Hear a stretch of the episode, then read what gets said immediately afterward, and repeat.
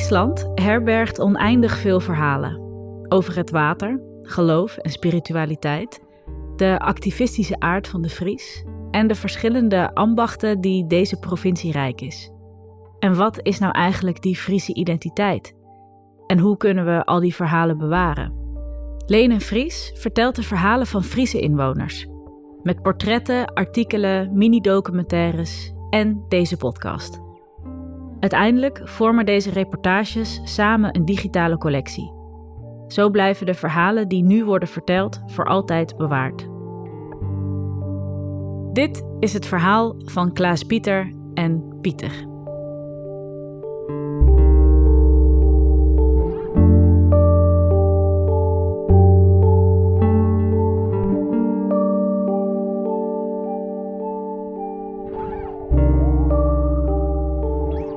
Ik ben Klaas Pieter, Klaas Pieter Major. Ik uh, woon in Sneek en uh, ik zit hier uh, vanuit de Stadsbrouwerij, waarin we met Stichting Het Waterpoortje bedacht hebben van hey, we, gaan, we gaan allemaal leuke dingen doen voor de Meanskip van Sneek. En ik werk zelf in Amsterdam. Dus ik, ik kan heel veel heen en weer. En dan denk ik van nou, wat doe ik eigenlijk in Sneek? Nou, dit is mijn, mijn bijdrage aan de Meanskip in, in Friesland. En ik ben uh, Pieter van der Luit. Ik ben in dagelijks leven ben ik leraar, leraar horecabakkerij, recreatie. En ik ben bij de, stads, bij de, bij de stadsbrouwerij gekomen als, uh, als brouwer. En dat, uh, ja, ik brouw nu twee jaar. En we zien hem langzaam, zien we de brouwerij van een klein keldertje opbloeien tot een heel mooie, mooie ruimte. waar we hele mooie bieren neerzetten. Ik denk dat het een beetje een, een, een persoonlijke inslag had. Dus dat wij zelf zoiets hadden van, joh, wij, we, ik heb zelf mijn eigen bedrijf in Amsterdam. Uh, de andere twee uh, starters, zeg maar, de een heeft ook een eigen bedrijf, de ander zit in het onderwijs. Kees Vogelvanger en Wietse Nieuwenhuis. Um, en we hadden alle drie zoiets van, joh, nou, we hebben het druk zat, zeg maar, in ons dagelijks werk. Maar kunnen we dat niet bij elkaar brengen? We zijn begonnen inmiddels zo'n drie jaar geleden of zo, denk ik. Misschien al langer. En um, zoals het zo vaak begint in de kroeg met een wild idee. Hè, we bestelden een lokaal biertje en dat was er niet. En toen hebben we eigenlijk gelijk die dag daarna gezegd van... hey, zullen we dan proberen zoiets op te zetten? En toen was het idee van de brouwerij er nog niet. Maar dat was eigenlijk een volgende fase geweest. Maar we hebben wel heel snel gezegd tegen elkaar van... we willen dan, dan wel dat dit ten goede komt aan uh, het bevorderen van de... Ja, de meanskip in Snake, in en om Snake. En, en een van de dingen was dat we het leuk vonden om ervoor te zorgen dat de interactie tussen de snakers wat meer gaat, uh, gaat, gaat leven. En daar hebben we die stichting ook voor in het leven geroepen. En wat we toen bedacht hebben is van joh, alles wat we doen met elkaar hier, dat doen we op basis van vrijwilligersinitiatief. Uh, uh, we hebben er wel een bedrijf van gemaakt, omdat we ook inkoop, verkoop en dat soort dingen doen. Maar die is volledig in handen van de stichting. En die stichting die, die, die roomt af, hè, dus alles wat er overblijft. En daarmee ondersteunen we dan allerlei goede doelen.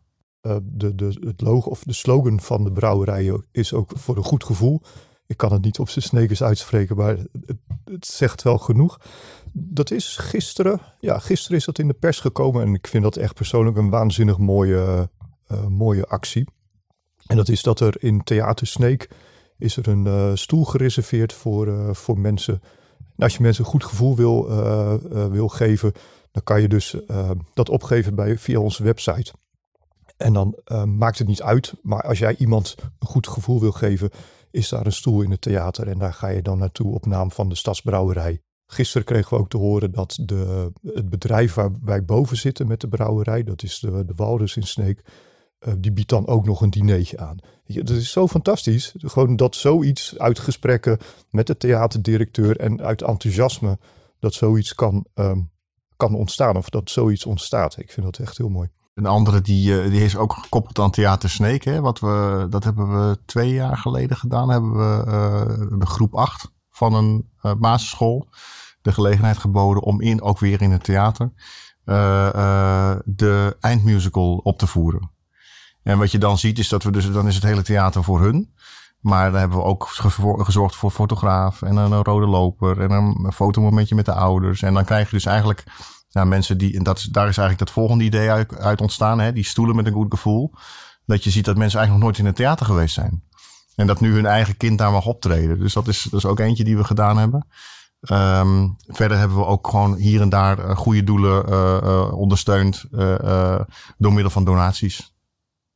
Dus even kijken, de, er was op een gegeven moment die Elfstedentocht, hè, de zwemtocht van Maarten van der Weijden. Hebben we gedaan, Stichting Veron. We hebben de Talentband. Dat is een band die zou eigenlijk stoppen met bestaan. Dat is een band voor verstandelijk beperkten. Die hebben we eigenlijk ervoor gezorgd dat ze weer door mochten gaan door een donatie. Nou, dat soort dingen. Dus het is niet heel veel. Maar nou ja, kleine, kleine dingetjes helpen ook vaak. Toen we begonnen zijn we op zoek gegaan naar ambassadeurs. Toen hebben we heel veel mensen benaderd. Dat zijn er 200 geworden. Die hebben ons geholpen zeg maar, in het begin om, om te starten.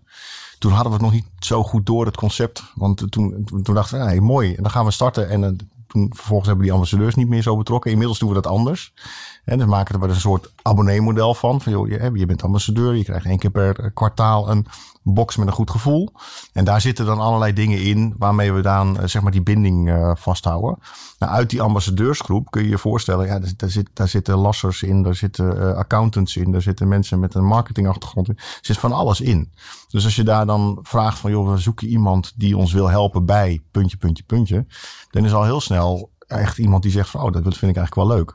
Kijk, we hebben allemaal best een druk bestaan. Uh, we zijn allemaal met ons werk bezig. En als je dan daarnaast nog iets voor een ander kan betekenen, dan is dat gewoon heel fijn. Je moet alleen wel een, een, vorm vinden waarin je dat kan doen. En uh, voor ons is dat deze vorm, zeg maar. Uh, dus het was eigenlijk ook wel een voorwaarde voor ons om, om eraan te beginnen. Van ja, jongens, zodra het op werk gaat lijken, dat hebben we al. dus het idee is toch wel vooral dat je gewoon uh, uh, vanuit het goede gevoel. We toetsen ook elke keer van hé hey jongens, het moet wel voldoen aan een goed gevoel. Soms wordt het ook een beetje flauw, hè? maar het is, wel, het is wel echt waarvoor we het doen. En ja, er gaat ook, net zoals in elke organisatie, wel eens een keer iets mis. Hè? Ja, er gaat, er gaat technisch wel wat mis. Uh, ik, ik heb echt wel goed onder stroom gestaan. Maar er gaat ook, dat heb je als je met water werkt, dan kan dat gebeuren. Uh, maar er gaan ook wel eens brouwsels uh, misluk, mislukken. Um, je werkt met vrijwilligers, dus het gaat onderling ook wel eens mis. Het is gewoon eigenlijk het, het gewone leven. ja, er gaan dingen goed en er gaan dingen niet goed. Uh, we zijn begonnen in, de, in, ja, in een bezemkast van de Wouders met, met, een, ja, echt waar, met een klein keteltje en, en twee tankjes. Um, nou, dat bleek al heel snel onhoudbaar, want de, de, hygiëne was, ja, kan je daar gewoon niet garanderen. En toen hadden de, de eigenaren van het pand uh, met de eerste lockdown zoiets van ja, we hebben hier boven wel ruimte. En ja, toen zijn ze gaan slopen en toen hebben ze de brouwerij uh, neergezet. Of de ruimte voor de brouwerij hebben ze beschikbaar gesteld voor ons. En daar staan we nu te brouwen. En naast die ruimte is een heel mooi klein oud kroegje ontstaan. Het zit ook achter een gordijn. Het is een, be beetje het best bewaarde geheim van Sneek geworden. En daar kunnen we nu eindelijk proefavonden organiseren. En dan drinken de mensen dus het, bier wat echt in ons brouwerijtje wordt, wordt gebrouwen. Um, ik kan maximaal 80 liter per keer brouwen. Dus het is echt maar hele kleine oplages. En de rest dat besteden we uit. Maar juist dan in dat proeflokaaltje kunnen ze echt de unieke biertjes proeven die bij ons uit de brouwerij komen. Ik heb het uh, mezelf helemaal aangeleerd. Ik heb wel een, een, een, achtergrond in de, in de horeca en in de bakkerij. Dus ik ben van huis uit ben ik kok.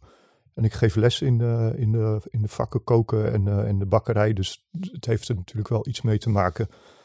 Maar ik, heb het mezelf eigenlijk um, eigen gemaakt in de brouwerij van, van de stadsbrouwerij. Dus die, dat, die kans is mij geboden ook. Van ja, ga maar brouwen. Kijk maar of het lukt. En, en het lukt. En je ziet dat heel veel mensen uit hun comfortzone stappen. Dus, dus het brouwen van een biertje, uh, ja, Pieter die, die doet dat nu. Maar het is ook niet zo dat je dat al zeg maar al heel lang gedaan hebt. Je begint er gewoon aan. En zo zijn er ook heel veel mensen die zeggen, ik wil eigenlijk wel eens een keertje meedoen. Of iemand die zegt van, uh, nou, ik vind het eigenlijk wel leuk om op social media wat meer te doen. Dat heeft helemaal niks te maken met wat ik in het dagelijks leven doe. Maar ik zou dat voor jullie wel willen oppakken.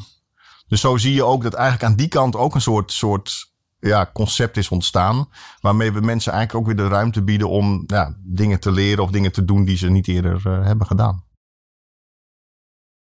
in de beginperiode was er iemand bij die mij de eerste stappen heeft uh, van, nou, zo, zo werkt dat. En je, ja, je, je leest heel veel en er is, alles is wel op internet uh, te vinden. En je maakt steeds een verdiepingsslag om je kwaliteit te verbeteren. En je bent in de eerste keer ben je al lang blij dat er iets uitkomt wat een heel klein beetje lijkt op bier. Maar je gaat nu wel, uh, ja, je kan nu wel steeds meer aan de parameters draaien, draaien om de kwaliteit te verbeteren. Ja. En dat is, ja, je haalt je informatie uit boeken en uit internet. Het ontstaat uit de eenvoud. Je hebt vier ingrediënten en je hebt uh, nou, een paar miljoen parameters waar je aan kan draaien om de kwaliteit van je bieren te beïnvloeden. En het begint met water.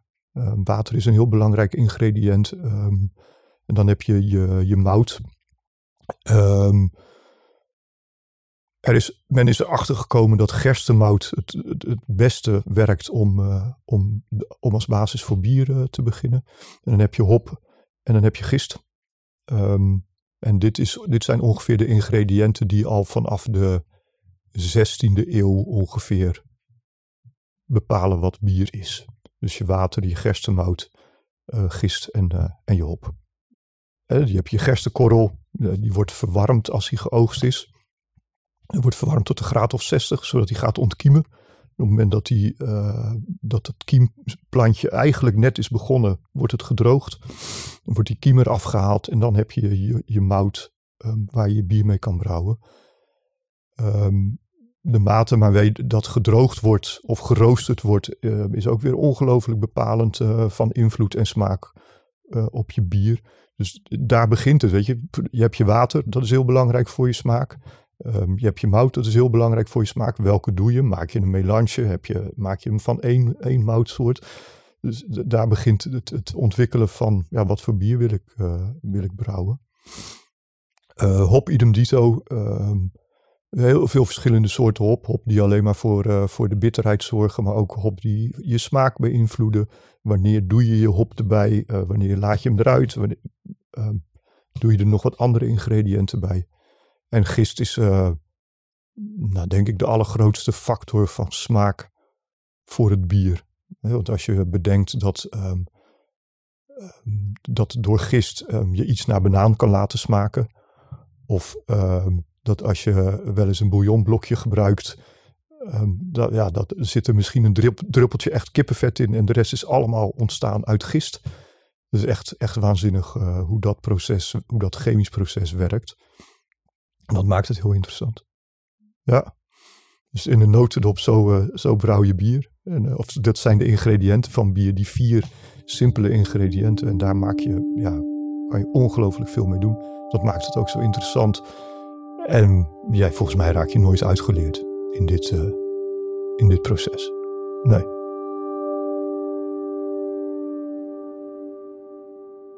Drie jaar geleden hebben we een biertje naar, naar Sneek gehaald. Van, hey, we zijn gestart. En toen kwam het idee van de brouwerij. We, uh, we hebben niet zo heel veel ruimte. Dus je kan 80 liter brouwen. En die was lekker. Zo. dus wij met z'n allen echt helemaal trots en proberen. En um, op een gegeven moment zegt iemand van... wij hadden ook allemaal gasten uitgenodigd. Veel. Je kan hem proberen bij een dinertje was het volgens mij. Hè? Oh. En op een gegeven moment was hij op. En dan ga je om je heen kijken. En denk je, is er nog bier? Nee, dat is er niet meer. Want ja, je maakt 80 liter. Nou, 80 liter is uh, keer uh, drie flesjes. Nou, als die zaal vol zit en iedereen drinkt twee flesjes, dan is het op. Dus toen dachten we van nou, deze was wel heel erg lekker. Die gaan we nog een keer maken. Nou, dat viel best wel tegen. maar dan moet je alles precies hetzelfde doen, hè? Nou, alles is handwerk. Dus voordat je dan zeg maar hetzelfde proces weer helemaal exact hebt doorlopen. Nou, dan ben je wel even, ben je wel even verder. Ja, we brouwen eigenlijk iedere keer wel uh, verschillende soorten bier. Omdat ik uh, wil ontdekken, ik wil leren. En daarbij komt, als ik nu een biertje brouw um, en die gaat op de fles en die proef ik over twee weken. En ik denk van, hé, hey, die is lekker. Dan ga ik datzelfde biertje brouwen, maar de smaak van het bier ontwikkelt zich door op de fles. Dus je kan, je kan hem ook nooit weer helemaal vergelijken. Dus het is echt, ja, aan de ene kant is het heel vervelend dat je het niet gelijk kan brouwen. Aan de andere kant heeft het ook wel zijn charme. Ja, dan weet je in ieder geval dat je geen Heineken aan het brouwen bent.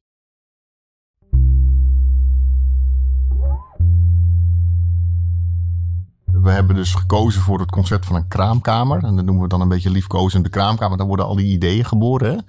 Maar we hebben heel bewust niet gekozen voor hele grote ketels in die uh, A, omdat het heel duur is. Maar B, ook omdat de ruimte daar uh, niet voor is. Dus wij, wij, wij pionieren elke keer, hè, wat Pieter ook zegt. Als die dan, zoals deze die ik net beschreef, uh, bevalt, dan gaan we hem in een hoog volume bij een uh, huurbrouwer of zo in echt een, een, grote oplage maken. Dus dat hebben we met deze ook gedaan. En die kunnen we dan ook in een rondsneek aanbieden aan de horeca, maar ook in de, in de winkels. Hè, in de supermarkt ligt die. Dus dan wordt het, dan wordt het wat meer een standaard aanbod, wat iedereen ook dan te zien krijgt het is wel grappig. We hebben nu uh, van één biertje weer een nieuwe variant in groot formaat. Uh, de Kruisenbroeder. Die doet het heel erg goed. Dat is heel grappig. En die hadden we al. En toen deed hij het niet zo goed. Dus dan zie je al het verschil tussen de ene en de andere batch. Uh, dat maakt dus echt uit. Dus, dus ja, het is ook een kwestie van smaak. Hè? Dus wat wij lekker vinden, hoeft niet te, per definitie te betekenen dat de grote groep hem lekker vindt. dat hebben we ook al geleerd. We hebben een keer een badge gemaakt die wij heel erg lekker vonden. Maar echt, nou ja, ik geloof niet dat iemand uh, buiten ons hem echt lekker vond. en dan zat je wel met uh, heel veel bier.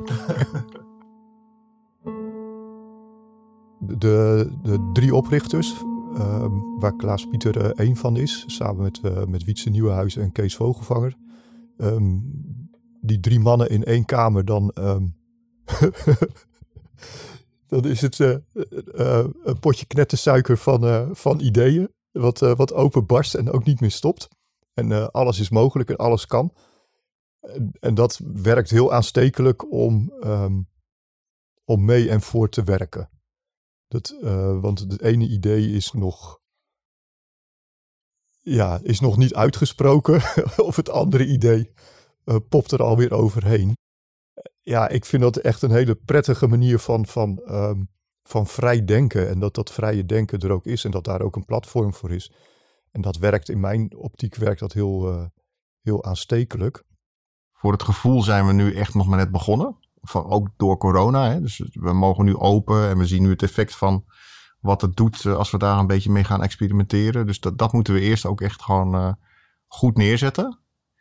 Uh, ik denk dat een van onze doelen is, en die staat ook op de roadmap die we toen al een keer een beetje bedacht hebben, van nou, ik zou het mooi zijn als het, als het zichzelf in stand kan houden.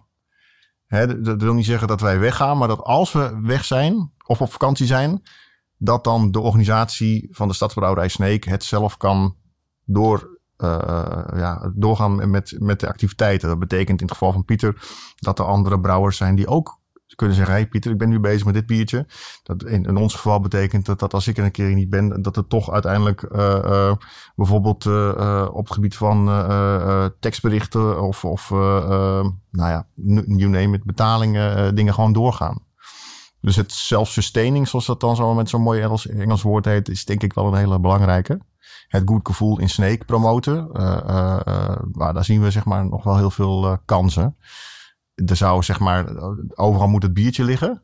Maar je kan ook denken aan andere producten in combinatie met het goed gevoel. Uh, we hebben al een keer chocola gehad. Uh, zoiets. Of uh, het idee is nu om bij de lokale ondernemers te vragen om een mooie rode knop. Hè, kun je indrukken en dan kun je een ander een goed gevoel geven door iets van die ondernemer aan te bieden. En dan zorgen wij er dan weer voor dat dat daar terecht komt. Dus er zijn allerlei ideeën over, maar eerst moet de brouwerij staan. En dan gaan we kijken naar, uh, naar uh, vervolgstappen. Uh, het wordt wel door iedereen die het doet en die er vrijwilliger bij is, wordt het echt ongelooflijk serieus benaderd. En dat maakt het ehm, dat het, het professionele, professioneel vrijwilligerswerk is. Maar het is wel ontzettend leuk om te doen, want iedereen die, die steekt er echt 110% um, energie in. En dat maakt het ook leuk. Dat, dat maakt het ook dat jij ook energie krijgt uh, daarvan. Ja, dus er staat zo'n drive uh, staat erachter. En dat is echt, uh, echt waanzinnig. En wat we graag willen is, is impact maken. En, en dat vind ik wel, wat Pieter zegt, vind ik wel heel mooi. iedereen die hier aan meewerkt, doet er serieus aan mee. Het moet echt het verhaal worden van, van de minskip. Want dat is, waar het, dat is waar het om draait. En het bier is slechts een vehikel. Um, om, om, je, ja, om, om, de, de, om, om je uit te dragen Maar ja, de gemeenschap en het goede gevoel, dat moet echt uh, de bovenligger zijn. Ja.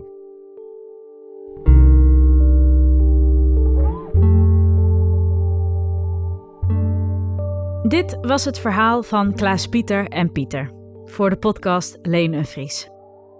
Deze podcast werd gemaakt door mij, Joran de Boer en Aira Helverich, die de eindmixage deed. De muziek werd gemaakt door Esker van de Werken. Dank aan Klaas Pieter en Pieter voor het vertellen van jullie mooie verhaal. En dank aan jou, luisteraar, voor het luisteren.